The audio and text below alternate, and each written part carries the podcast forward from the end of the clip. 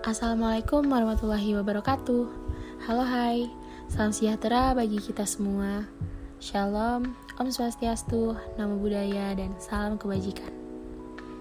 Selamat pagi, siang, sore, ataupun malam, kapan pun kalian mendengarkan ini.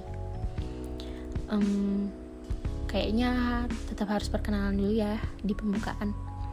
Perkenalkan, namaku Hana Natasha Arif NIM 2011111220010.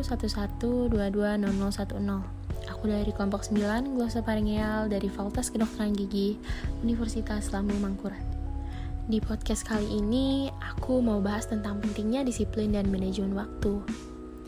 Nah, tapi sebelum lanjut, harus tahu dulu nih definisi dari keduanya.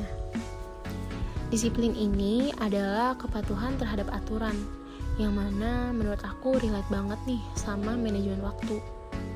Manajemen waktu itu adalah perencanaan, proses, atau tindakan yang telah ditentukan secara sadar untuk melakukan suatu kegiatan dalam kurun waktu tertentu dengan menggunakan sumber daya secara efektif, efisien, dan produktif. Atau secara singkatnya nih, gimana cara kita mengatur dan menggunakan waktu sebaik-baiknya untuk menjalankan kegiatan agar lebih tertata dan juga produktif. Kenapa sih aku bilang disiplin itu relate sama manajemen waktu? Jawabannya karena saat kita mengelola atau memanage waktu dengan baik, kita juga otomatis bisa mendisiplinkan diri kita. Nah, dengan memanajemen waktu ini, kita bisa melakukan hal-hal yang ingin kita lakukan itu dengan tertata. Otomatis juga artinya kita disiplin. Disiplin dengan hal yang akan kita kerjakan dan disiplin dengan waktu. Manajemen waktu itu banyak banget manfaatnya gak cuma ngebantu kita dalam mendisiplinkan diri, tapi juga membantu untuk menentukan prioritas, mengurangi kecenderungan untuk menunda pekerjaan, menghindari tabrakan waktu, memberi kebebasan dan kendali, dan masih banyak lagi.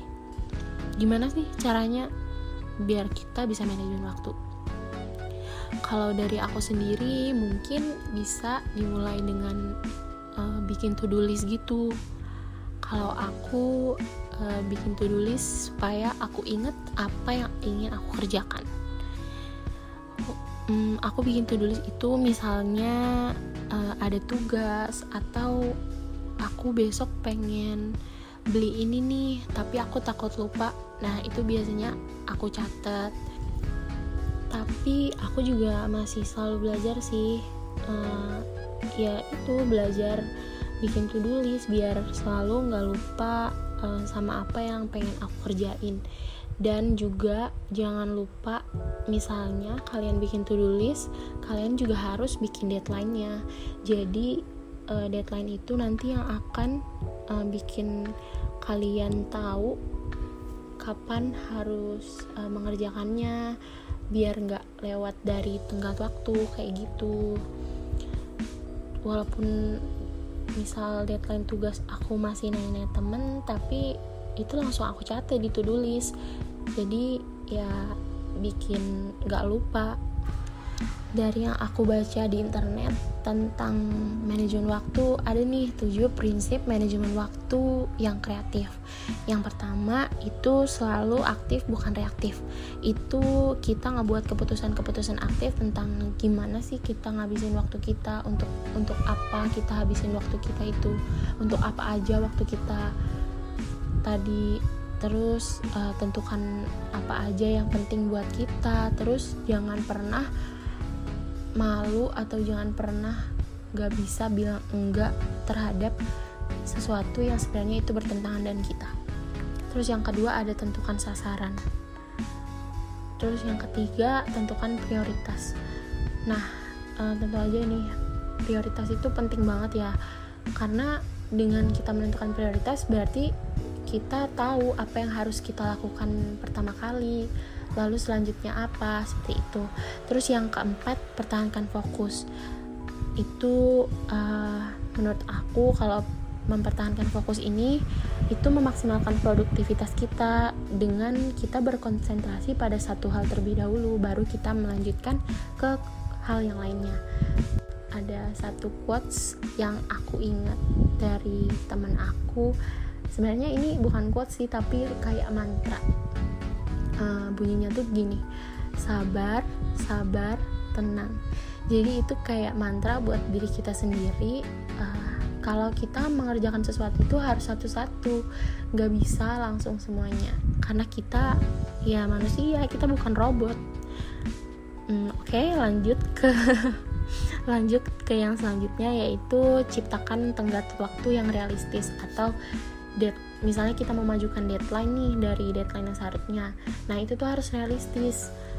Jangan uh, paksakan semuanya itu bisa selesai dalam satu waktu. Itu nggak mungkin banget. Terus yang keenam ada lakukan sekarang atau do it now. Nah itu kayak uh, kita manage diri kita sendiri aja sih. Uh, kalau kita melakukan lagi melakukan suatu hal itu kita harus bisa mengabaikan gangguan-gangguan yang uh, ngedistract kita kayak gitu. Contohnya nih main HP atau nge-scroll IG atau nge-scroll TikTok kayak gitu. Terus yang ketujuh itu seimbangin hidup. Karena ya hidup ini kan harus seimbang ya. Gak mungkin gak mungkin timpang.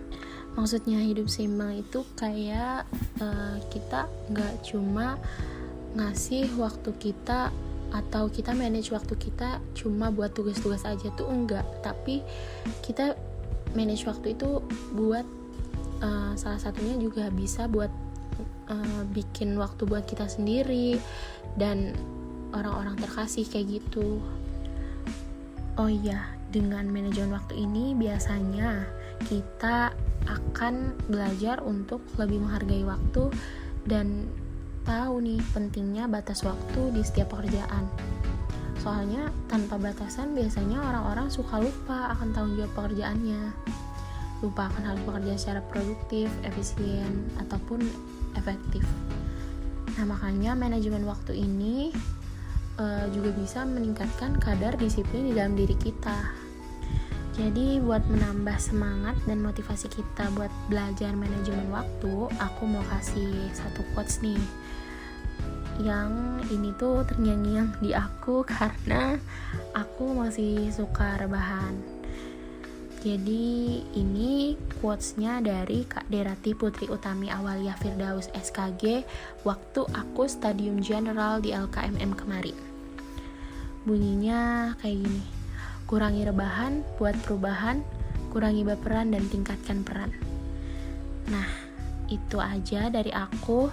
Semoga aku, kamu, kita bisa menerapkan manajemen waktu dengan baik agar lebih disiplin terhadap diri kita sendiri di kehidupan.